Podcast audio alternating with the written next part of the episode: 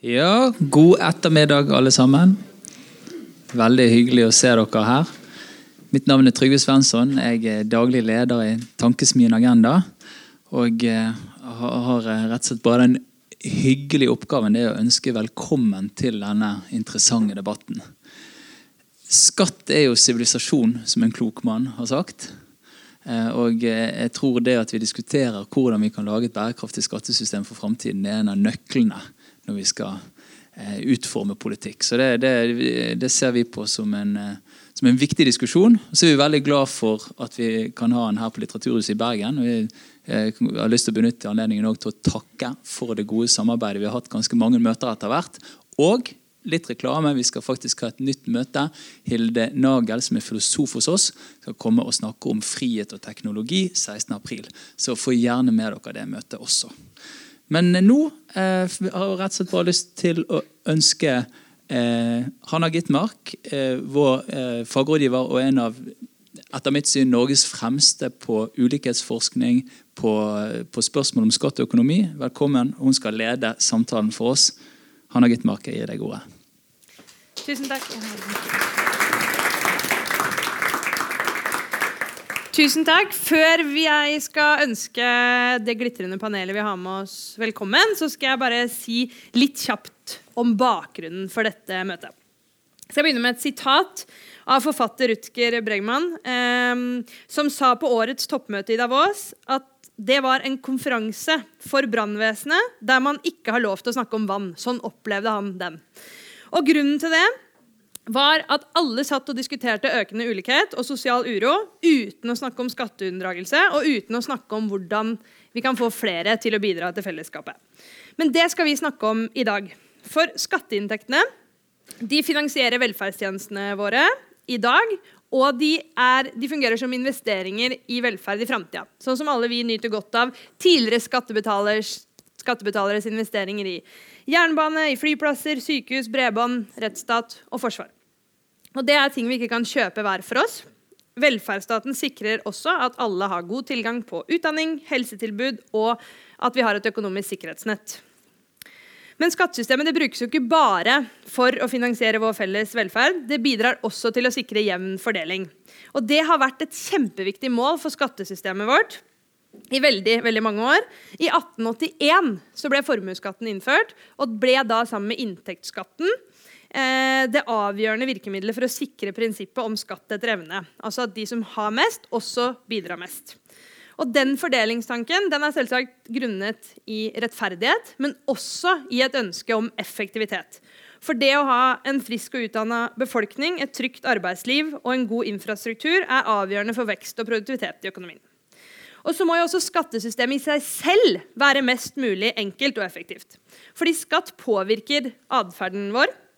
Det får konsekvenser for hvor mye vi velger å jobbe, hvor mye vi velger å spare, hvor mye vi velger å bruke, og hvor mye som blir investert i hva. Og det handler om såkalte vridningseffekter, og det kan gi uønska konsekvenser i økonomien. F.eks. så kan for høy skatt på inntekt gjøre at man velger å jobbe mindre, og dermed gjøre at vi får mindre skatt inn. Hvis vi har skatt på uønska atferd, f.eks. miljøskatter, så kan, det, eh, så kan, de vridningseffektene gi oss mer av det vi ønsker, ønsker, oss. Altså mindre skade på miljøet. Målet om inntekter, eller proveny, som vi ofte snakker om når vi snakker om skattesystemet, det må alltid da veies opp mot andre hensyn for å sikre best samfunnsøkonomisk lønnsomhet. I Norge så mener veldig mange at vi så langt har klart å gjøre begge deler. Vi er blant de landene i verden som har lavest økonomisk ulikhet. Eh, I morgen kommer regjeringens fordelingsmelding. Den kommer til å vise at vi fortsatt er det. Heldigvis. Samtidig så har vi hatt sterk økonomisk vekst. Og stadig mer forskning viser at de tingene forsterker hverandre. Men så vet vi at i framtida kommer vi til å ha større behov både for inntekter og for omfordeling. Eldrebølge og lavere oljeinntekter gjør at det blir færre inntekter. Og så vet vi at ulikheten øker, og det gir behov for mer omfordeling. Og Da passer det litt dårlig at vi samtidig står overfor flere utfordringer når det gjelder inntektene og omfordelingen i skattesystemet. Over tid har vi sett en vridning i skatt fra kapital til arbeid. Her hjemme er formuesskatten redusert, arveavgiften er fjerna, og skattesystemet vårt er ikke spesielt progressivt helt i toppen. Og De rikeste blir rikere, Og mange vil være enig at det ikke er så rettferdig. Så kan det være noen gode grunner til at det har blitt sånn likevel. Kapitalen er f.eks. mye mer mobil enn folk, og det er lettere å flytte kapital ut av land eh, som har for høy skatt, enn at folk flytter. Og det kan være veldig vanskelig for en liten og åpen økonomi som Norge å ha høyere selskapsskatt enn våre nabolag. Men samtidig som skatt fra kapital utgjør en mindre del av de totale skatteinntektene, så mister vi også milliarder av dollar i skatt fra multinasjonale selskaper pga. skatteunndragelse og skatteomgåelse. Så da er altså spørsmålet hvordan skal vi sikre at de rikeste, både folka og selskapene, bidrar til skattesystemet i framtida? Og hvordan gjør vi det uten å skade økonomien? Det skal vi diskutere nå. Og vi har en veldig ambisiøs agenda. som dere hører, for Vi skal både diskutere det norske skattesystemet og de globale utfordringene vi står overfor. Heldigvis som jeg sa så har vi med oss et glitrende panel.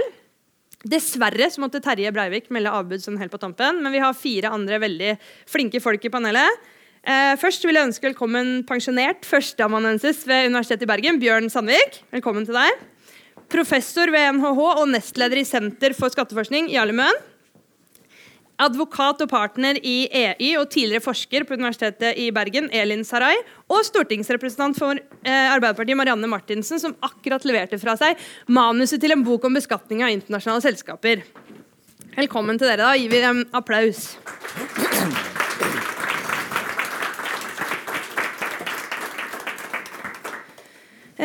Før vi jeg går inn i detaljene, så tenkte jeg å åpne med et litt stort spørsmål. Um, og rett og slett spørre hva deres betraktninger om hva er det som kjennetegner et godt skattesystem, og hvilke utfordringer er de mest presserende i dag? Elin, du kan få begynne. Takk. Da kan jeg si hva Er den på nå? Ja. ja takk for det. Eh, jeg vil bare begynne med å si én ting. Og det er at et klokt hode har sagt at det er to ting som er sikkert her i livet. Vi skal alle dø, og vi skal alle betale skatt. Når det er sagt, så er jo spørsmålet hva kjennetegner et godt skattesystem. Og nå har vi et ganske godt erfaringsgrunnlag. Altså, vi har jo eh, veldig mange år bak oss med skatt, som du nevnte. Det begynte jo på 1800-tallet. Eh, og vi har hatt en del skattereformer. Men fra en praktikers eh, ståsted så tenker jeg at eh, et godt skattesystem må være forutsigbart. Eh, næringslivet må vite hva har vi å forholde oss til. Plutselige og store endringer er aldri velkommen. Så må da skattesystemet være nøytralt. At det bør ikke favorisere enkelte typer virksomhetstyper eller organisasjonsformer enn andre. Lik inntekt bør skattlegges likt. Eh, du har også symmetri. ikke sant? At Hvis en inntekt er skattepliktig, så, bør jo da utgiften være fradragsberettiget. Eh, du har det progressive elementet, som for å unngå nullskattytere, f.eks. Eh, som jo var forløperen til 92-reformen. At du da hadde marginalskatter på opptil 70 på, på både kapital og arbeidsinntekt. Men det var så mange særregler at det gikk an å tilpasse seg og ende opp som nullskattyter. Og det har jo det nye, altså reformen 92 bl.a. Eh, tatt et oppgjør med. da. Mm. Det er jo lett å si seg enig i alt som kommer, kommer herfra. Altså, det er veldig fornuftige betraktninger. Eh, og det er jo selvsagt at et skattesystem som skal gi oss inntekter for å finansiere velferden, velferden vår, må være utforma på en smartest mulig måte. Altså, det må være mest mulig effektivt, sånn at vi får minst mulig av disse vridende effektene som, eh, som Hanna snakka om her innledningsvis. Eh, og så vil, jeg, eh, så vil jeg legge til at Eh, for at et, eh, skatte, en skattefinansiert velferdsstat skal ha oppslutning over tid, eh, så må det også være oppslutning om og aksept for at skattesystemet ser ut sånn som det gjør.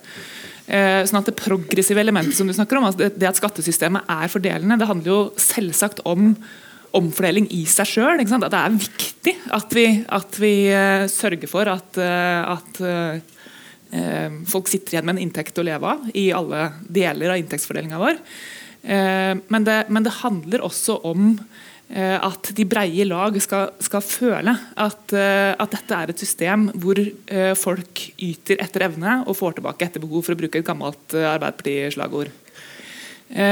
Så mener jeg at noe av det virkelig, virkelig gode, altså flotte vi har fått til med skattesystemet vårt, Eh, i løpet av de siste tiåra, det er du inne på. Det er reformen fra 92. Eh, for det var en reform som både førte til at staten fikk en del mer skatteinntekter, eh, samtidig som vi klarte å senke satsene. For satsene var ganske høye. Altså, de var så høye at det var et problem at det faktisk påvirka atferd på en måte som ikke, ikke likte noe særlig. Og Måten man kunne gjøre det på, var å tette høl.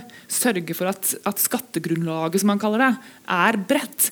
Sånn at I Norge så funker det jo sånn at, at du må stort sett skatte av alt du foretar deg. Det er ikke så lett å slippe unna det. Men det gjør også at satsene kan holdes på et, på et rimelig nivå.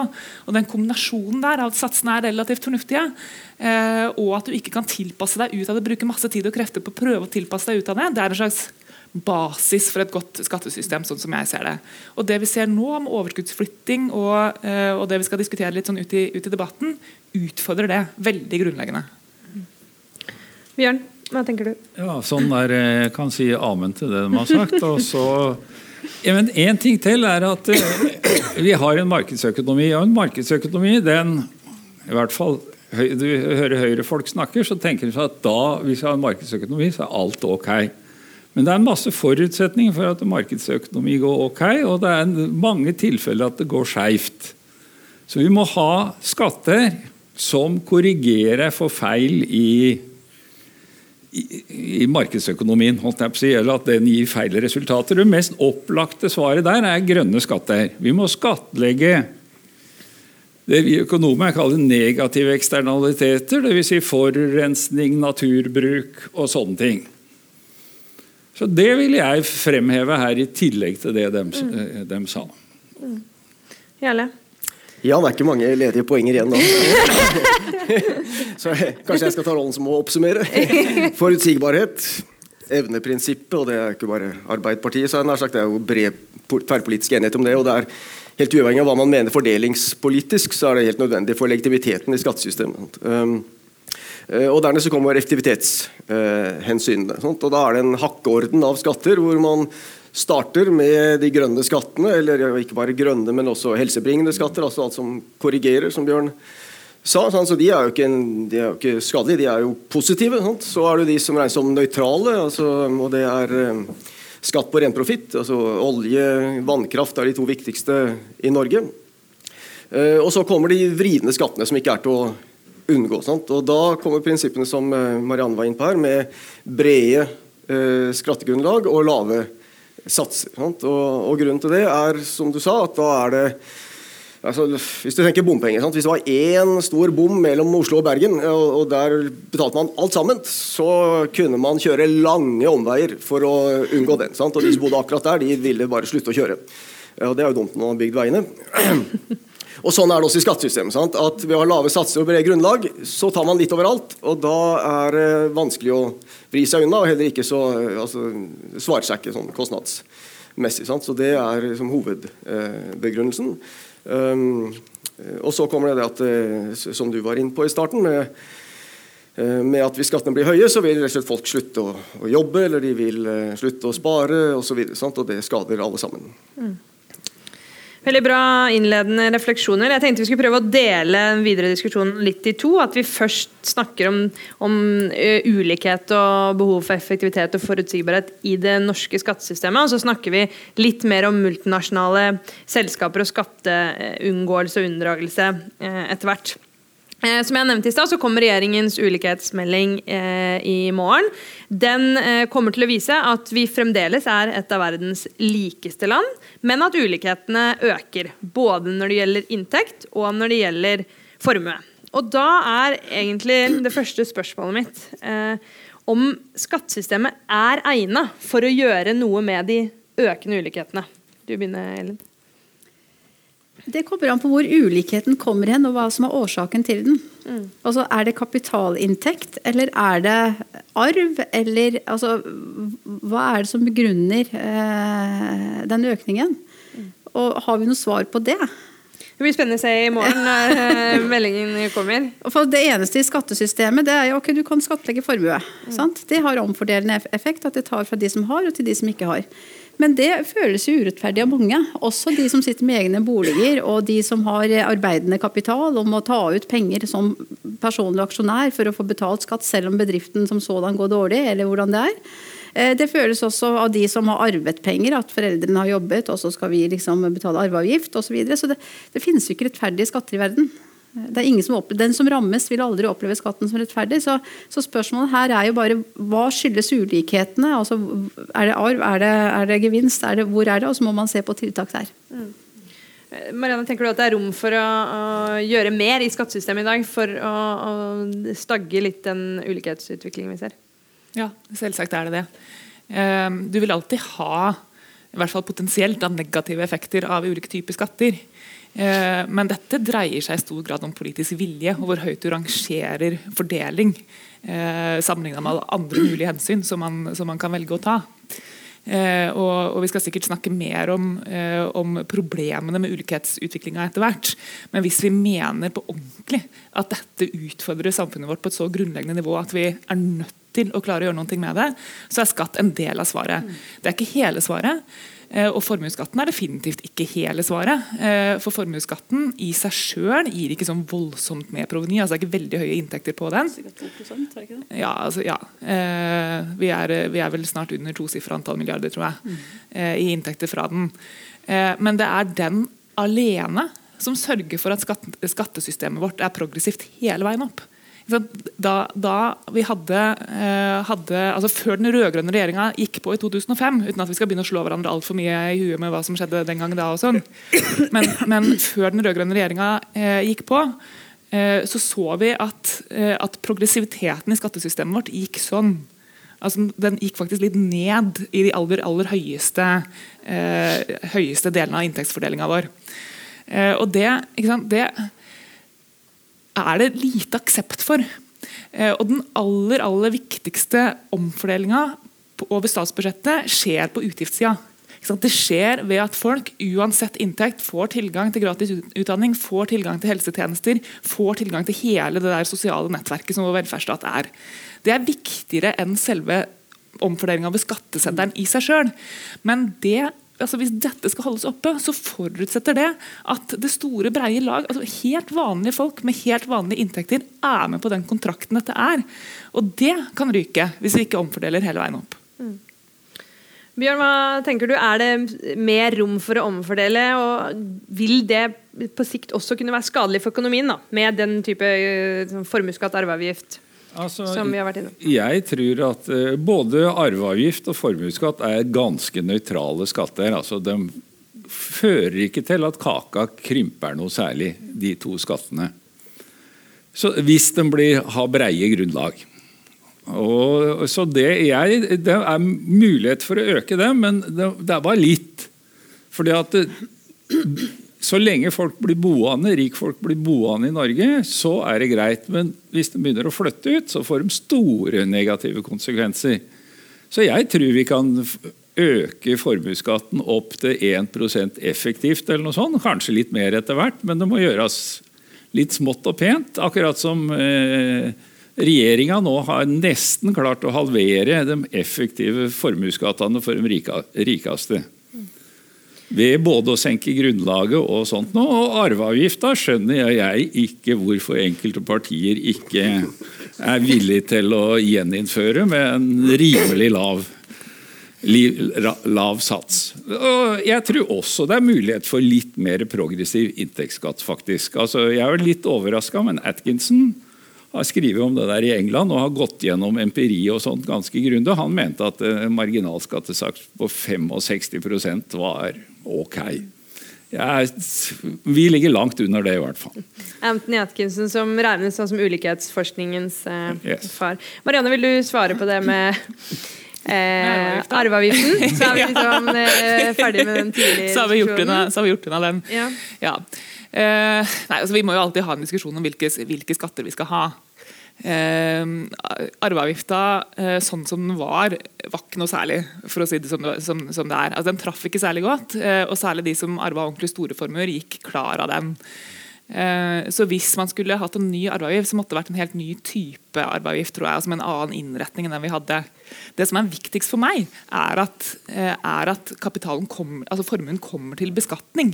Om det skjer akkurat når du arver den, eller om det skjer liksom fortløpende ved at du må betale formuesskatt på den resten av livet. da. Eh, det er ikke så innmari nøye, men den samla beskatningen av formue i Norge per nå mener jeg er for lav. Mm. Bjørn, du hadde ja, Jeg ville bare si at uh, Atkinson har et forslag på hvordan arveavgifta skal utformes. At det skal utformes som en skatt på mottakeren. På, og alle arv og gaver over livsløpet. da. Og Da kan du også gjøre den progressiv hvis du ønsker det. Og Da unngår du en del av de høla som var i den gamle norske arveavgiften, som jeg er enig med Marianne i at var dårlig. Mm. Jarle, har jo, du har jo jobba spesielt mye med formuesskatten. Og det er jo den skatten som kanskje skaper mest diskusjon ikke sant? I, i, i den avveiningen mellom hensynet til omfordeling og hensynet til effektivitet eller til skadevirkninger på investeringer. Fins det noen fasit? Nei, jeg tror ikke ja, altså det, det finnes jo en sannhet der ute som vi søker av den, sagt, om, eh, om den er, har de skadevirkningene som påstås eller ikke. Mm. Uh, og jeg mener at de skadevirkningene er sterkt overdrevet. Uh, men det betyr jo ikke at, uh, at, vi kan ta inn så mye som helst. Hadde jeg sagt. jeg tror altså Selv 1% tror jeg ville være problematisk. men antagelig ganske mye å gjøre på, på å utvide grunnlaget. og utvide regelverk. Sant? og Hvis jeg får lov å kommentere litt på Marianne sin altså arv og form, altså Dette er jo varianter over samme Eh, samme tema. Jeg syns det er veldig påfallende at, eh, at, Arbeiderpartiet velger å argumentere mot arveavgiften fordi den var så dårlig. Altså, det er jo mange som argumenterer mot formuesskatten med de samme argumentene. Sant? Eh, mens vi vanligvis sier at ja, men det er ikke noe argument mot formuesskatten, det er et argument for å forbedre den. Så jeg ville jo heller hekta meg på argumentet om forutsigbarhet, og at tross alt så var det nødvendig å inngå et forlik, en stor pakke, og, og en viss levetid må det forliket ha. Og så ville jeg holdt det litt åpent eh, for framtida, om ikke kanskje eh, arveavgift burde komme på, eh, på, agendaen igjen som et av de virkemidlene og skattetypene som, som er på menyen, sagt, hvis man ønsker å, ønsker å, gjøre noe med det. Mm. Hva tenker du, Elin? Hvilke, hvilke, skatt på formue? Hvis man ser for seg, Eiendomsskatt har vi ikke snakka med ennå, det har vi jo heller ikke i, i Norge utover kommunal eiendomsskatt og litt i formuesskatten.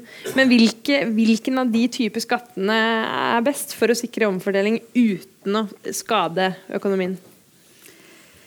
Veldig godt spørsmål. altså Problemet er jo at uh, vi er enig i prinsippet om at omfordeling det, det trengs. Uh, altså at Vi er ikke interessert i økende ulikhet. Men i det øyeblikket for hvermannsen familiehytten må selges, i det øyeblikket godseieren eh, liksom ikke kan fortsette driften fordi at det koster for mye eh, å overta verk og anlegg, mm. så oppleves det som et veldig stort problem. Mm. Så, så, jeg har dessverre ikke noe godt svar på hva som Enten kan man ta et bredt grunnlag og smøre det tynt utover og få inn de pengene. Så er jo spørsmålet hvor mye omfordeling gir det, for det er jo ikke gitt nødvendigvis at altså, jeg føler på en måte at på ene siden så ser man på de mest formuende, mm. og så innfører man tiltak som egentlig rammer alle. Mm. Og, og, da, da, da, eh, oppleves det ikke spesielt greit allikevel til syvende og sist. Akkurat som arveavgiften ikke sant? eller formuesskatten. Men jeg har ikke noe godt svar til deg. hva som er... Men Hvorfor tror dere aksepten for altså Det er jo veldig lite diskusjon om skatt på inntekt. Det er på en måte alle enige og Det gir jo selvfølgelig også mye større inntekter enn skatt på denne formuesobjektene vi har snakka om. Men hvorfor, i en, en måte, liberalt demokrati, hvorfor, hvorfor er det så eh, mye vanskeligere for oss å akseptere skatt på personlig formue? Eller i hvert fall for veldig mange enn skatt på inntekt, f.eks. Er det noen som Ja? Jeg tror ikke det er så mye vanskeligere. Nei? Men det er jo hylekoret. Ja. Altså, dem som står fram i avisene, er jo eh, Dem klager over dette her. Og jeg tror heller ikke altså Problemet med arv av hytter og sånt, det er jo ikke egentlig at om staten tar arveavgift, som den hadde sist på 10% det er jo da søsken. Det er det som fører til problemet med Skatt på dem, da. Ettbarnspolitikk istedenfor eh, Nettopp. Og vi skal Konsekvensen av den typen argumentasjon er, noe, er litt håpløs. Jarle, det- Nei, jeg er helt enig med, eh, med Bjørn. Det er, det er snodig altså, hvordan, eh, hvordan dette fremstilles. Og, og altså, bedriftseieren som ikke har råd til å overta. Altså, hvis du får kjøpe en bedrift til 10% av det noen andre vil kjøpe den for, det er jo veldig merkelig om ikke skulle kunne gå an å drive den videre da. liksom, og ikke skulle ha råd til det. Altså, jeg har aldri skjønt eh, argumentet. sant? Eh, Og, og når det gjelder hytter, så er det et, et større problem, men da er det jo faktisk sånn at, eh, at samfunnsproblemet er jo da søsken mer enn arveavgift. At man ikke har råd til å kjøpe Eh, ut søsknene. Ja, det er et problem som må løses, men de kan jo en generasjon kanskje holde det gående. Men, eh, men, eh, men det er dårligere psykologi i dette, det er ikke noe tvil om det. Altså, alle kan identifisere seg med den der familiehytta, og også en formue som, eh, som ikke yter en umiddelbar synlig inntektsstrøm. Eh, Det er klart det er dårligere psykologi i dette, det, det mener jeg er lett å forstå. Altså.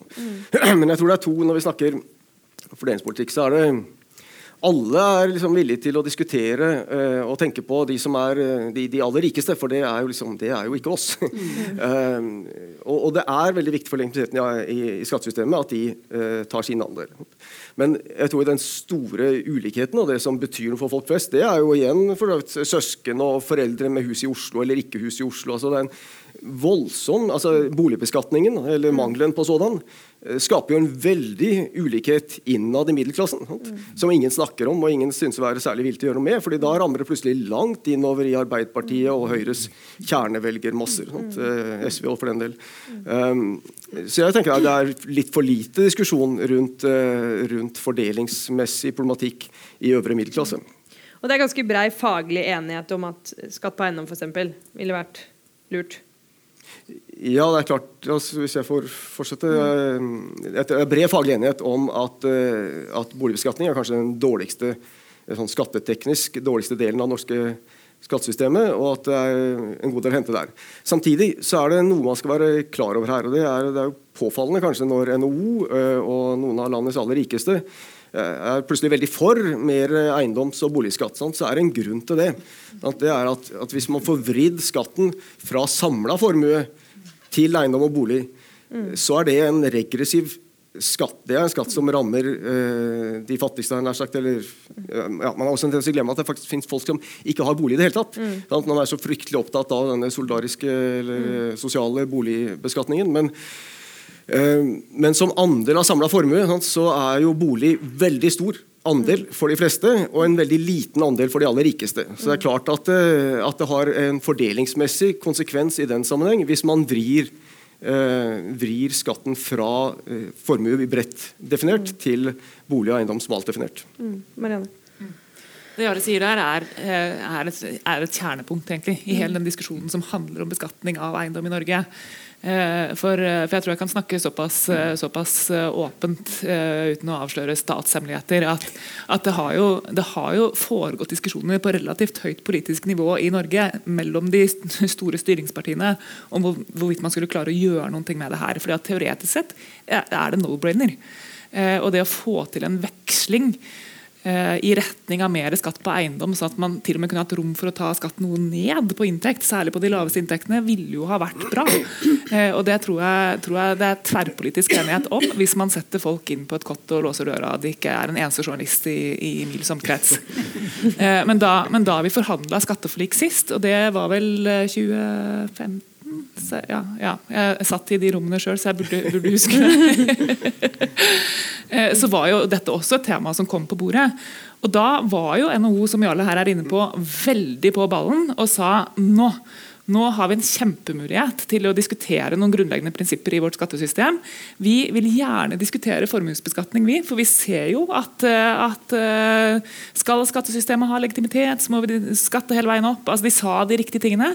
Eh, Og vi er ikke interessert i å skjerme rike menneskers privatforbruk.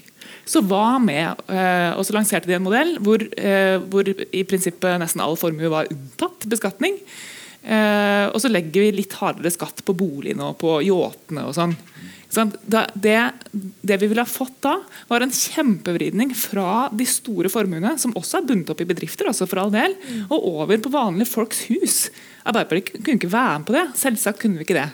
Så hvis vi skulle kommet noen vei her, så måtte det vært fordi at partiene klarte å ta hverandre i hånda og hoppe samtidig. Det er veldig viktig.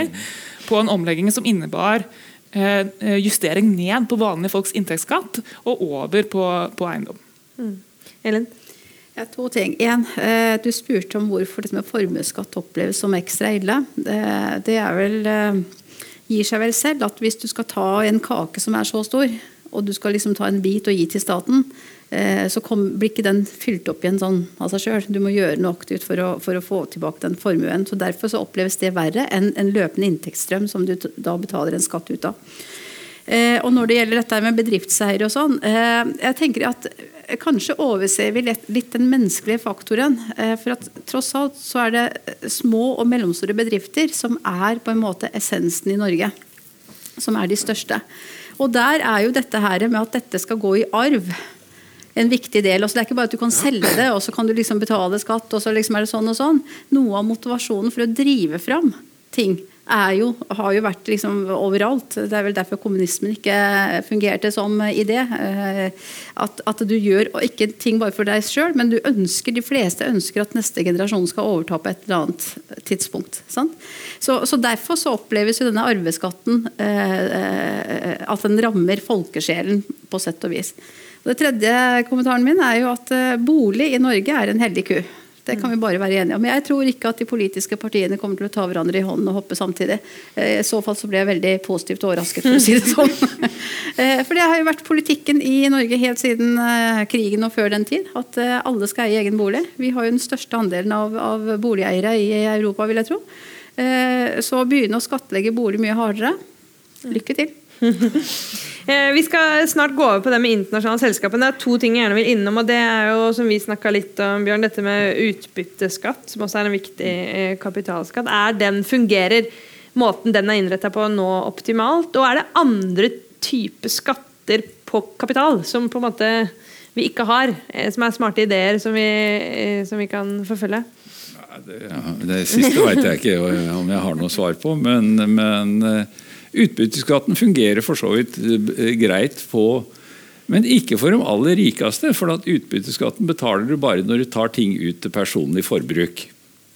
Og det er klart De ordentlig rike, som da nytta skattereformen i 2006 eller noe sånt, og reinvesterer verdiene sine i selskap, tar dem ut på forhånd, som var skattefritt å reinvestere, de klarer jo aldri å Det tar en stund før du brukte opp de to milliardene du for nå sitter de og tilbakebetaler seg selv som Nettopp, lån. Mm. Av, av, det som var før. Sånn at, eh, sånn at, eh, utbytteskatten treffer dem som har etablert nye bedrifter og sånt. Mm. Og, men vi kan si at formuesskatten fungerer på en måte som en skatt på tilbakeholdt overskudd. Mm. Så Derfor er formuesskatten sammen med utbytteskatten sånn som vi har nå. Mm. Så tror jeg det er veldig viktig å ha den eh, formuesskatten i tillegg til utbytteskatten. Mm. Ellers så vil det eh, så for det er på en måte skatt på den verdiene som du ikke konsumerer. Ikke tar ut utbytte, og det trenger vi. Eh, en, en, sånn siste ting som dere var inne på begge to, dette med grønne skatter. Eh, et sånt begrep som er veldig i vinden nå, eh, heter just transition. og Det er på en måte tanken om at vi både skal redde klimaet og, og, forhindre økende ulikhet samtidig. ikke sant? Og veldig mye av de her grønne skattene de er jo ikke i seg selv progressive.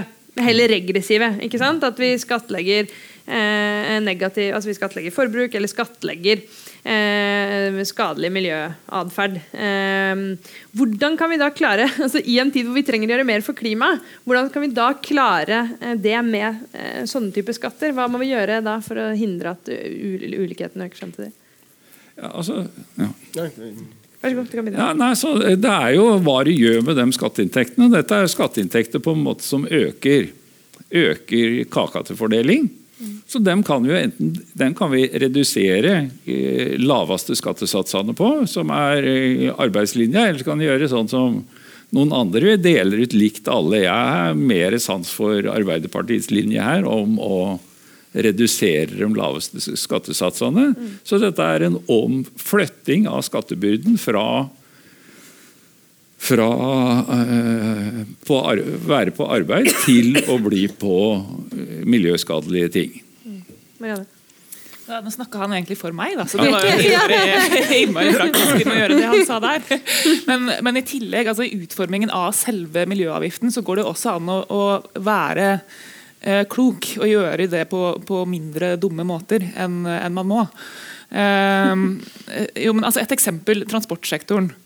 Eh, masse masse debatt om avgifter på drivstoff, bensinavgift, dieselavgift. Det er å sette fyr på debatten og sørge for at store deler av befolkninga bare melder seg av. Eh, vi, får inn, vi får inn på veldig enkelt vis minst like mye proveny nå på å, eh, på å vri på engangsavgifta. Og sørge for at Hvis du skal kjøpe en sånn svær diesel-SUV, så blir det ganske dyrt. Og det er noe annet, for da går, du, da går du på anskaffelsen av den bilen. Det treffer ikke i det daglige, det, det, merkes ikke i lommeboka fra dag til dag på samme måte. Eh, og, og for, eh, for, de som har veldig lite, så er det ikke så veldig aktuelt å kjøpe en sånn splitter ny diesel-SUV uansett. Sånn at det går også an selv om avgifter i seg sjøl ikke er særlig fordelende, eh, å ha med seg den fordelingstankegangen og fair transition og alt dette her, og ikke få gule vester og sånn mm. på gatene, også når man utformer de avgiftene. Mm. I tillegg til at vi må bruke selve skattesystemet da, mer progressivt når vi gjør det. Det har også en distriktsdimensjon. ikke sant? At uh, I Oslo er det jo lett å eller i byene er det jo lett å være um, miljøvennlig og ikke kjøre bil når man har bredt kollektivt tilbud. Hvis han bor langt eh, unna eh, T-bane og busser som går sjelden, så er det ikke så lett å tilpasse seg. Så det er både en fordelings- og en, en distriktsdimensjon. Er det mulig å håndtere det? Ja, det er klart det er mulig. Og økonomens svar jo, har jo alltid vært at, uh, at vi må bruke disse skattene, og så må vi kompensere taperne. Sant? Og så har ikke taperne blitt kompensert. Mm. Uh, men det er klart at uh, Eh, at det er mulig å gi andre typer lettelser til Finnmark, f.eks. Eh, hvis de er avhengig av eh, bil i en annen grad enn resten av landet. Men det er likevel dumt, at, altså dumt å gjøre det ved, at ingen skal betale CO2-avgifter, eller, mm. eller å ha kanskje, ja, så Regional differensiering av avgiftene er også mulig, men alt sånt skaper problemer. Sant? Men det er, klart det er mulig både i prinsippet og i praksis å kompensere mm. eh, taperne eller distriktene på andre måter. Mm. Da skal vi gå litt over på de utfordringene skattesystemet vårt står overfor mer i et internasjonalt perspektiv. Eh, bare litt eh, bakgrunn igjen. De prinsippene som ligger til grunn for dagens beskatning av selskaper, de ble utarbeida helt på begynnelsen av 1900-tallet, og mange mener at ikke de er tilpasset, eller det er ganske åpenbart at ikke de er tilpassa dagens digitale økonomi.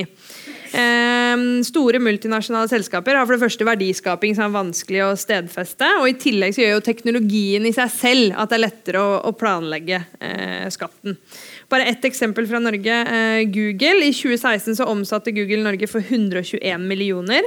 Den reelle omsetningen eh, anslås å være over 2 milliarder kroner. Og de betalte altså 2,9 millioner kroner i skatt, mindre enn sjefen for Google Norge. Så jeg tenkte jeg kanskje kan begynne med deg, Marianne, som akkurat har levert inn manus om hva vi skal gjøre for å rydde opp.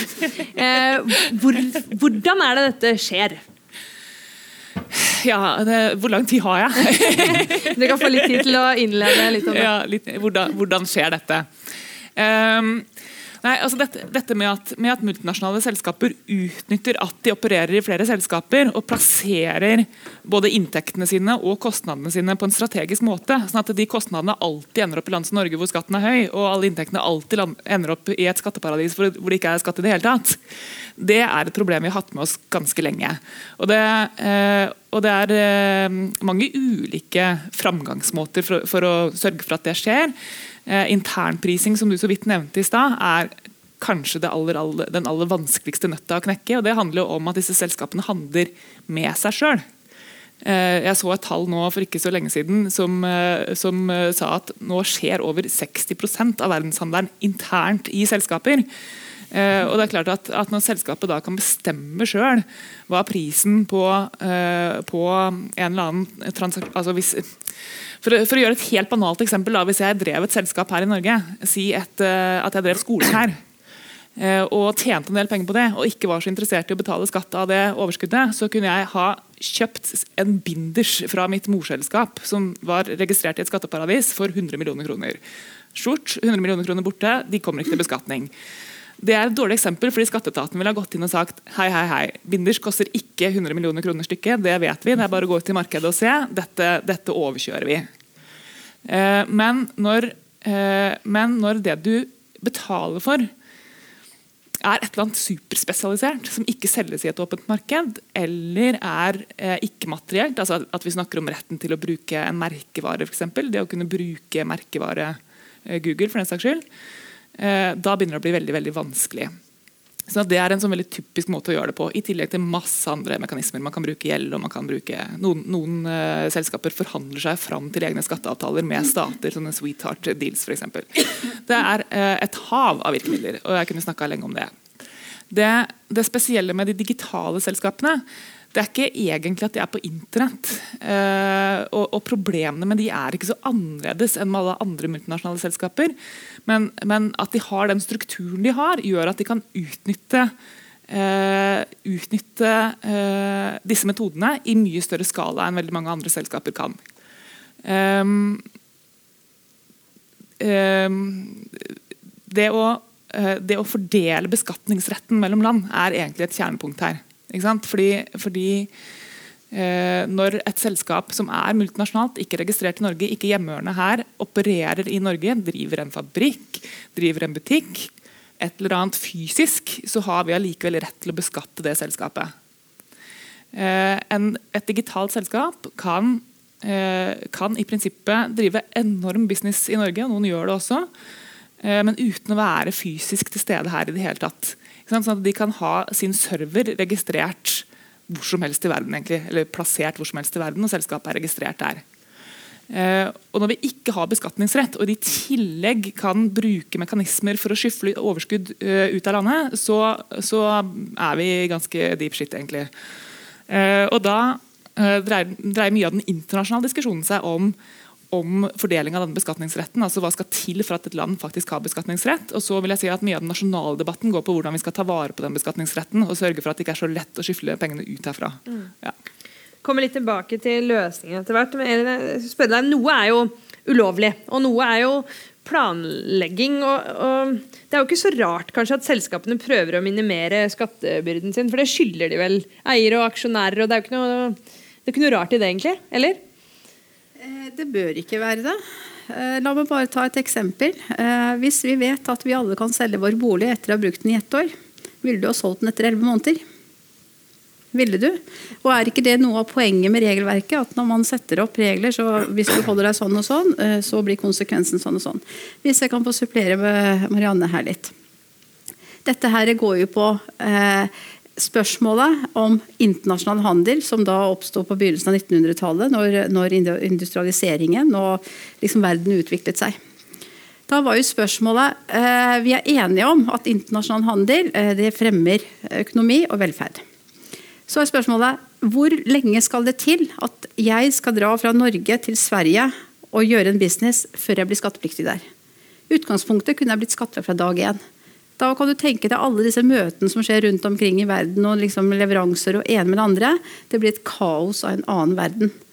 Derfor så blir man enige om at ok, vi lager en fiksjon. At hvis du oppfyller vilkårene for å ha et såkalt fast driftssted, så er du skattepliktig. Og så var spørsmålet hva skal til for å ha et fast driftssted? Så begynte man med 30 måneder i forrige århundre. Så var det noen stater som sa 24 måneder er nok. Så var det noen som sa 18 måneder. Hos oss er 18 måneder nok. Nå er vi nede i 6 måneder. Neste trekk i den fast driftsdefiksjonen som da er lik skatteplikt, vil sannsynligvis bli tre måneder. Utfordringen i dag er jo at eh, fast driftssted, fysisk tilstedeværelse, som du nevnte, eh, det er ikke nødvendig med den nye teknologien eh, for nettselskapene. Man kan drive med handel over landegrensene uten å få fast driftssted og dermed skatteplikt. Og så vil jeg gjerne korrigere en liten ting fra min praktiske erfaring. Vi snakker om lavskatteland. Lavskatteland er altså i norsk lovgivning definert som et land med eh, to tredjedel av norsk skattenivå. Eh, norsk shippingregime, rederiskatt, er jo da lavskatteordning i eh, global sammenheng. Og Holdingregimet i holdingskattereglene i Nederland er lavskatteregime i forhold til sånn og sånn. Det er ikke slik at multinasjonale selskaper ikke betaler skatt, men de betaler da noe lavere skatt.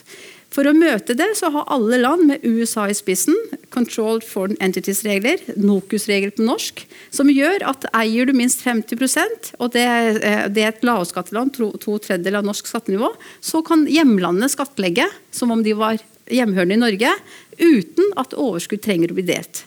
Eh, så, så, jeg føler at det er en voldsom sånn forenkling her om at uh, man, uh, man Lavskatteland sånn og lavskatteland sånn. Uh, det er en tilpasning som vi, du spurte meg om innledningsvis. Er det greit? Det er greit i den, i, i den grad det ikke er snakk om unndragelse og det er ikke er snakk om kriminelle ting, da, for å si det sånn.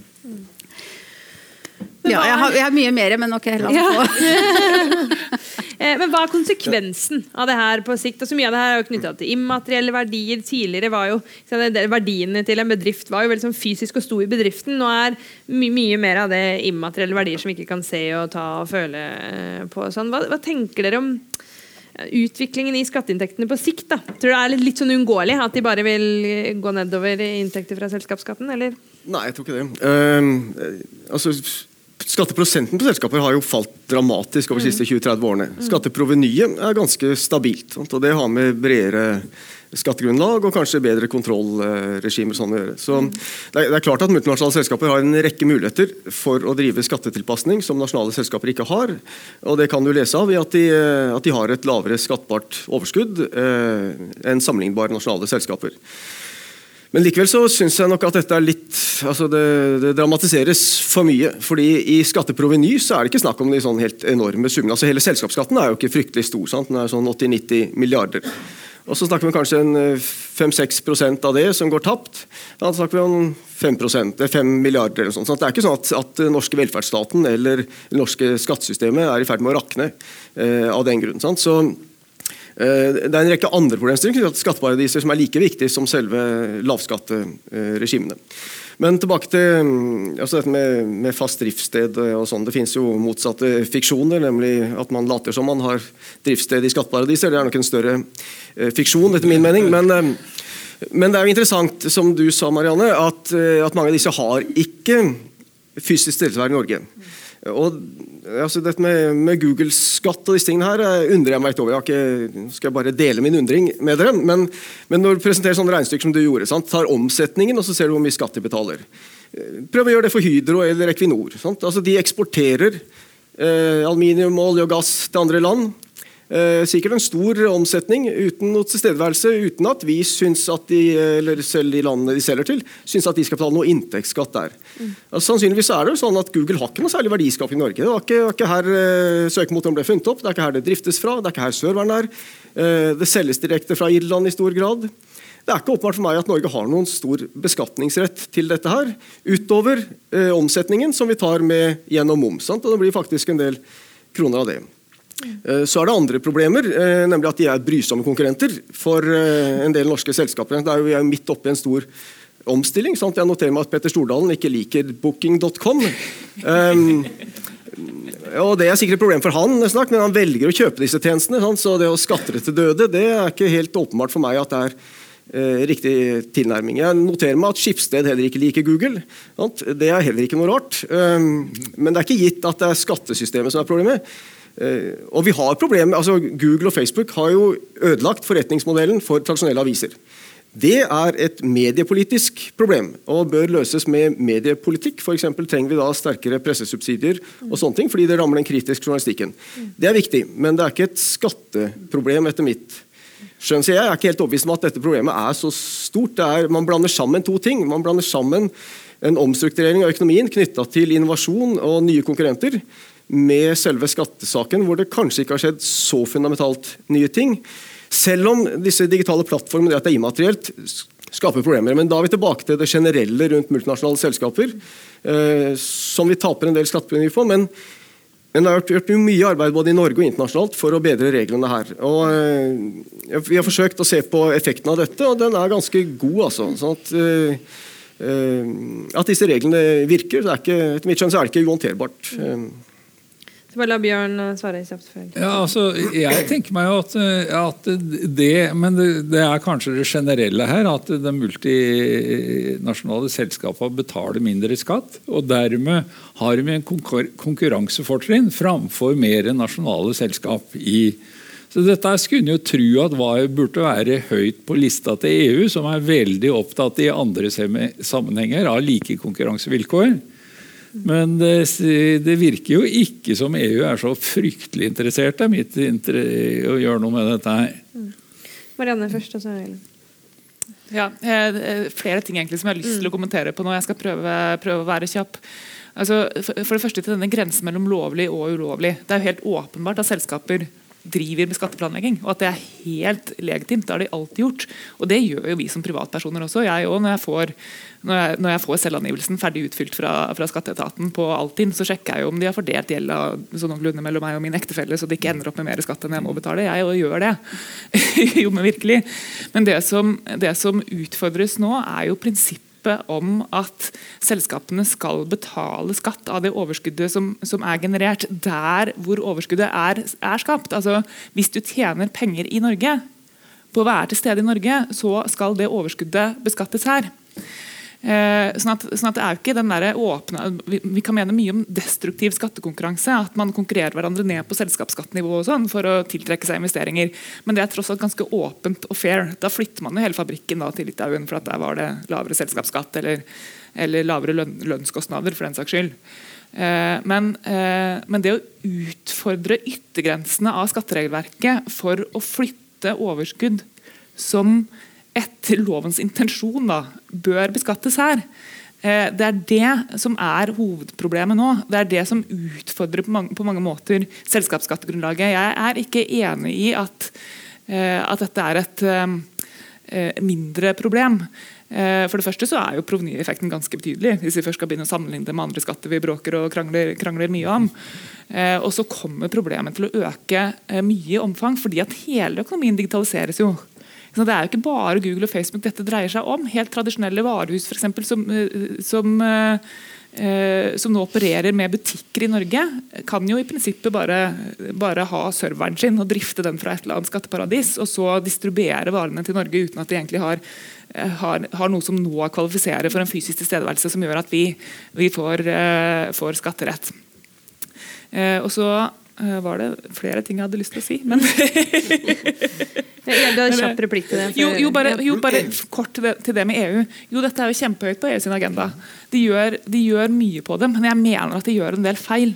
Eh, for å si det som det er. Altså, de, de, har blitt, de, har blitt, så desperate fordi at de ser disse regnestykkene sant? Mm. med Google og med Facebook og, og med Starbucks og sånn, og, og hvor lite det bidrar. Uh, og, hvor dårlig det står i samsvar med den økonomiske, tilstedeværelsen de har. da Eh, og Det gjør at, eh, at, man diskuterer mye å gå på omsetning nå.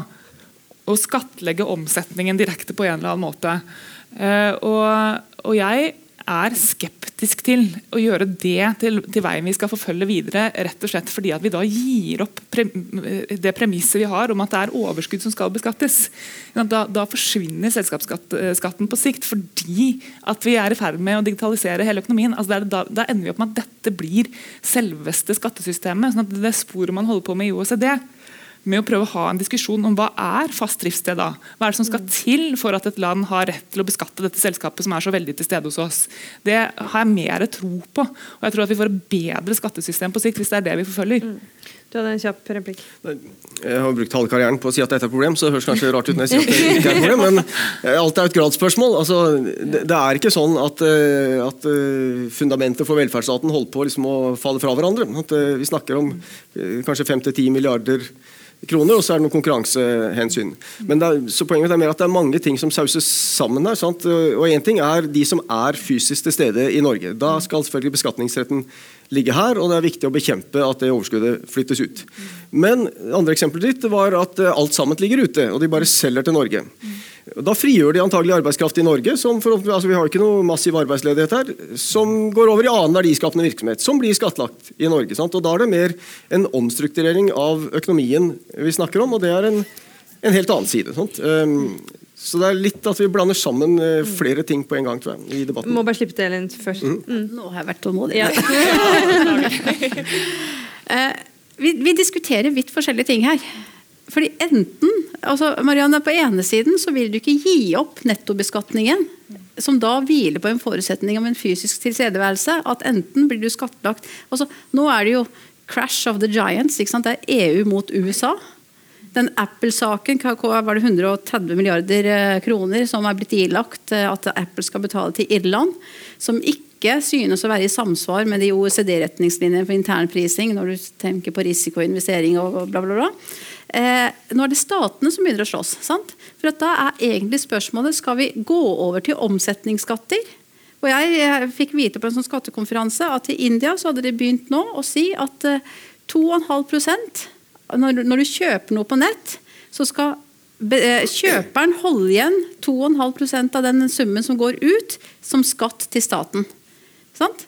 Eh, og Det vil jo i neste omgang lede til lavere pris. Eh, at tilbyderne må da regne med at de må betale 2,5 Men da kommer vi opp i det, det, det sier, at da gjelder det laksen og oljen og hele pakken som da selges ut. Altså, vi må finne et bærekraftig system, og det er ikke lettvinte løsninger. Altså, enten må vi gå vekk fra den tradisjonelle og så gå over til nettøkonomi og tenke at ok, nå er det en annen form for en fysisk tilstedeværelse som, som eh, vil rå grunnen, og da må vi ha et annet prinsipp, kildeskatt, som da er den bruttoskatten vi snakker om. Eller så må vi ha en eller annen eh, eh, grense for når inntrer skatteplikten egentlig. Er det nok med bare å omsette? Eh, Marianne, også bare et sånn, nå har vi jo diskutert litt sånn de in, prinsippene og det som diskuteres internasjonalt. Eh, og Dere har jo vært skeptiske til med omsetningsskatter. Men er det noe vi kan gjøre i Norge mens vi venter på at OECD blir enig med seg selv? Ja, jeg, jeg er bare nødt til å kommentere Ja, bitte litt grann på, de, på, disse tingene, Ja. på disse tingene først. Eh, nei, jeg mener jo at vi ikke skal gå den veien som India har gått. Jeg mener at Det er en dårlig idé. Altså, det er litt sånn sammenlignbart med å begynne å, hvis man skulle begynt å skattlegge selskaper for å bruke elektrisitet den gangen vi sto oppe i den industrielle revolusjonen. Skattlegge selskaper fordi at de bruker internett som plattform. Liksom. Samtidig som jeg tror nær, sagt all verdens land har strategier for digitalisering fordi det er så innmari effektivt. Det, det gir ikke mening. sånn Det er diskusjonen om hva det er som utløser beskatningsrett som er den mest relevante her. Men der har jo OECD nå nettopp kommet med, med nok, et sånt høringsutkast hvor man peker på noen veier videre. Eh, og hvor man f.eks. Eh, åpner for å, for, å forfølge et eh, prinsipp om at eh, på en del av disse plattformene så er konsumenten med på å skape verdien. Altså, Facebook er ikke noe verdt uten at folk, folk deler dataene sine og, og deltar i et nettverk der. sånn at verdiskapingen skjer faktisk reelt sett der hvor konsumenten befinner seg. Det er et ganske interessant prinsipp å forfølge videre. og Da kan man se for seg at man, at man får et system hvor, hvor den type aktivitet utløser en rett for markedslandet til å kreve inn skatt på overskudd. Eh, Så, så det skjer mye internasjonalt her. Jeg er egentlig mer optimistisk enn det jeg har vært på en stund når det gjelder å kunne finne en løsning på hvert fall dette problemet. altså Beskatningsrett kommer til å bli et haraball, selvfølgelig. Fordi, fordi vår aluminium og vår fisk og alt dette her kommer også inn i bildet, selvsagt. Eh, Flytter man beskatningsrett, så er det noen som, som mister den. Men jeg mener at det er en viktig diskusjon å ta. fordi Eh, fordi greit, Man kan mene at Google kanskje ikke har at vi ikke har legitim rett til å beskatte Google i Norge fordi at verdiskapingen faktisk ikke har skjedd her. Men den har jo heller ikke skjedd i det skatteparadiset hvor de er registrert. Sånn at Når beskatningsretten ikke befinner seg noe sted, eller i en jurisdiksjon hvor de ikke er interessert i å bruke den, eh, så, så har verden totalt sett et problem. og Da henger det også sammen med konkurransesituasjonen. Så Hvordan skal norskeide selskaper, da, når vi er opptatt av små og mellomstore bedrifter når vi diskuterer eh, eh, formuesskatt, egentlig overleve i dette her? Eh, og så til spørsmålet ditt. er det noe vi kan gjøre i mellomtiden? Ja, det er jo ting vi kan gjøre i mellomtiden. I hvert fall overfor de selskapene hvor vi har beskatningsrett per i dag. Eh, og Det handler jo om å begrense disse transaksjonene ut av landet. Eh, vi har lagt begrensninger på, på renter. altså At man bruker, bruker lån og betaling på lån til å redusere overskuddet sitt, på samme måte som privatpersoner gjør. egentlig. Altså Vi kan trekke fra rentekostnadene på boliglånet eh, før vi før vi betaler skatt. Sånn kan selskaper også gjøre. Og Det er en måte å, å flytte overskudd på. Eh, det har vi lagt begrensninger på. Man kan se for seg at vi også gjorde det på type, type royalty-betalinger, som er et stort problem. Altså Royalties handler om å for eksempel betale for dette, for dette merkenavnet. Da. Og det foreslo også Scheel-utvalget. Ja, De foreslår å ilegge kildeskatt, men man kan også begrense fradraget. Eh, som er en annen måte å gjøre det på hvis vi støter bort i EØS-problemer og sånn med selve kildeskatten. Ja.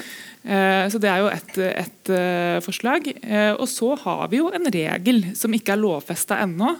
Eh, Men som, som Scheel foreslo å lovfeste, det man kaller for gjennomskjæringsregelen. Som er en slags sånn stopp, stoppregel hvis, eh, hvis, eh, man eh, har på et eller annet vis klart å definere seg innenfor lovens bokstav, men det er likevel tydelig at det, det arrangementet eller den transaksjonen som er gjort, ikke har noen forretningsmessig begrunnelse. Den handler bare om å komme seg unna den norske selskapsskatten.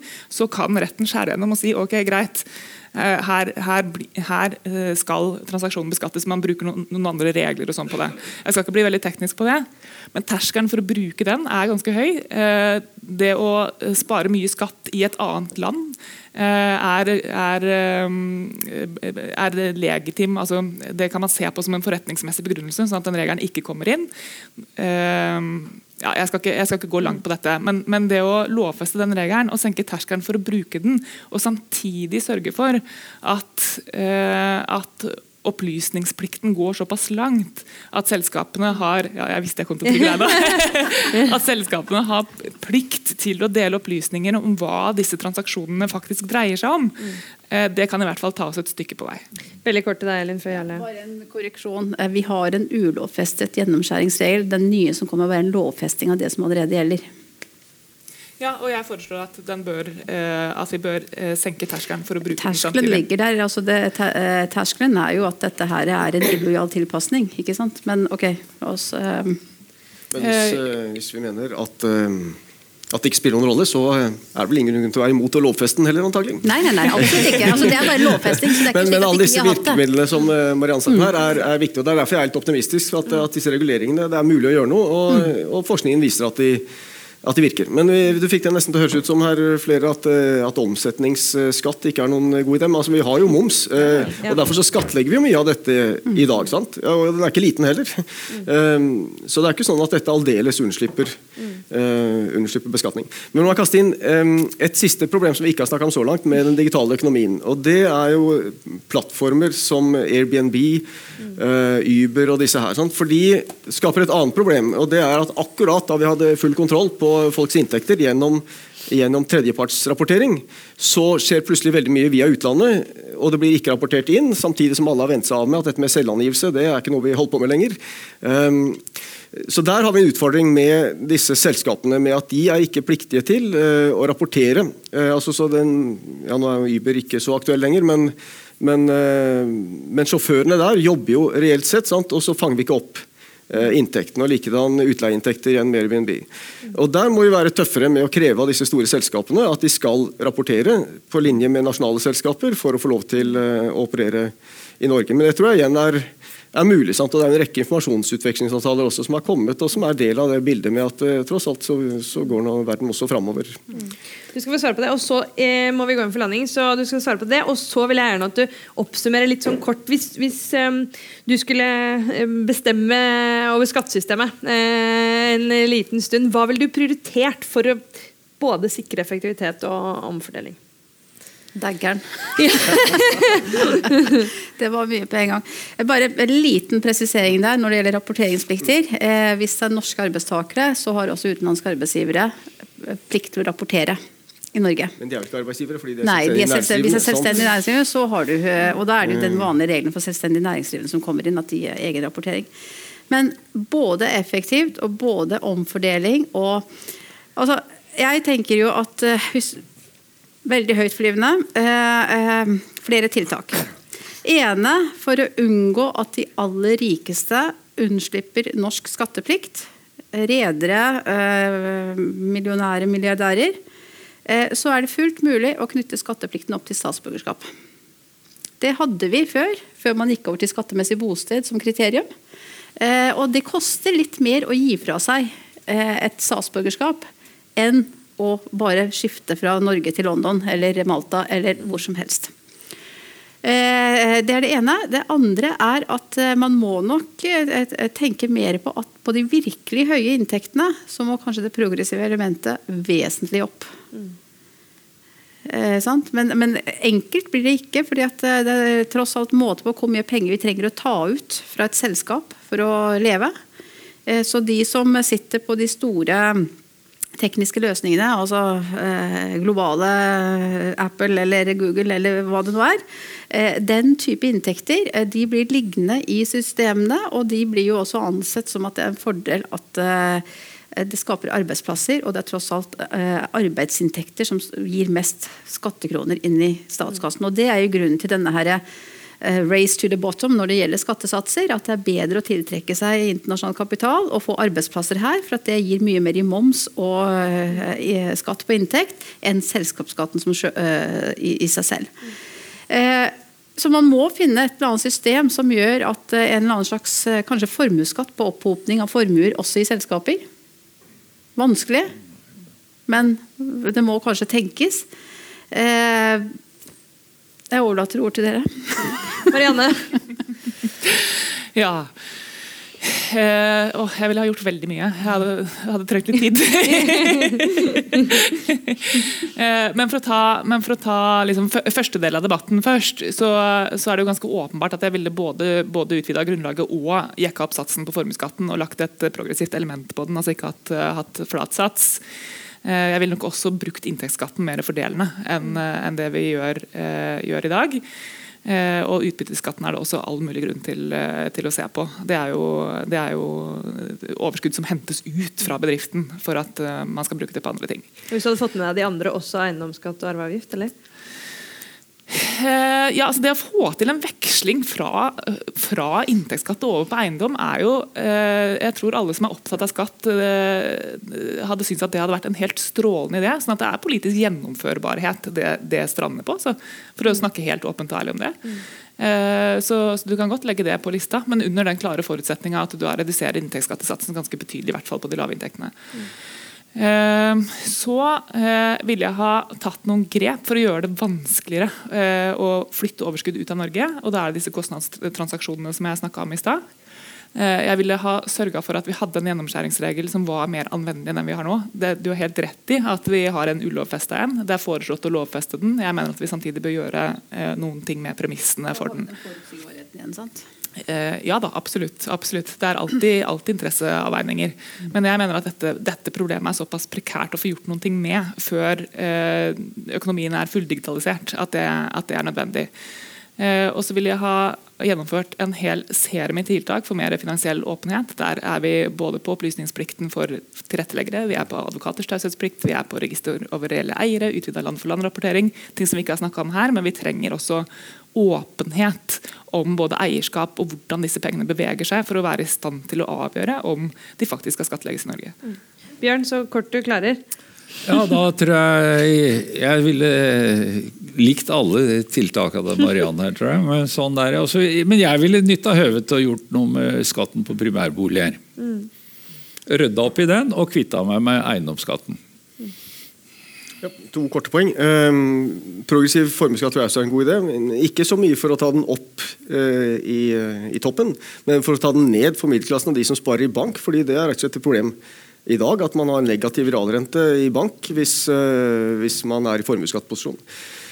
Det andre er Du nevnte finansiell åpenhet. Eh, Jeg tror Åpenhet eh, om skattebetalingene er helt eh, nøkkel her. og jeg tror Det er noe av det som svikter i USA og England. For eksempel, at I stor grad så vet ikke velgerne hvordan det står til, og hvor i stor grad de rike ikke betaler skatt osv.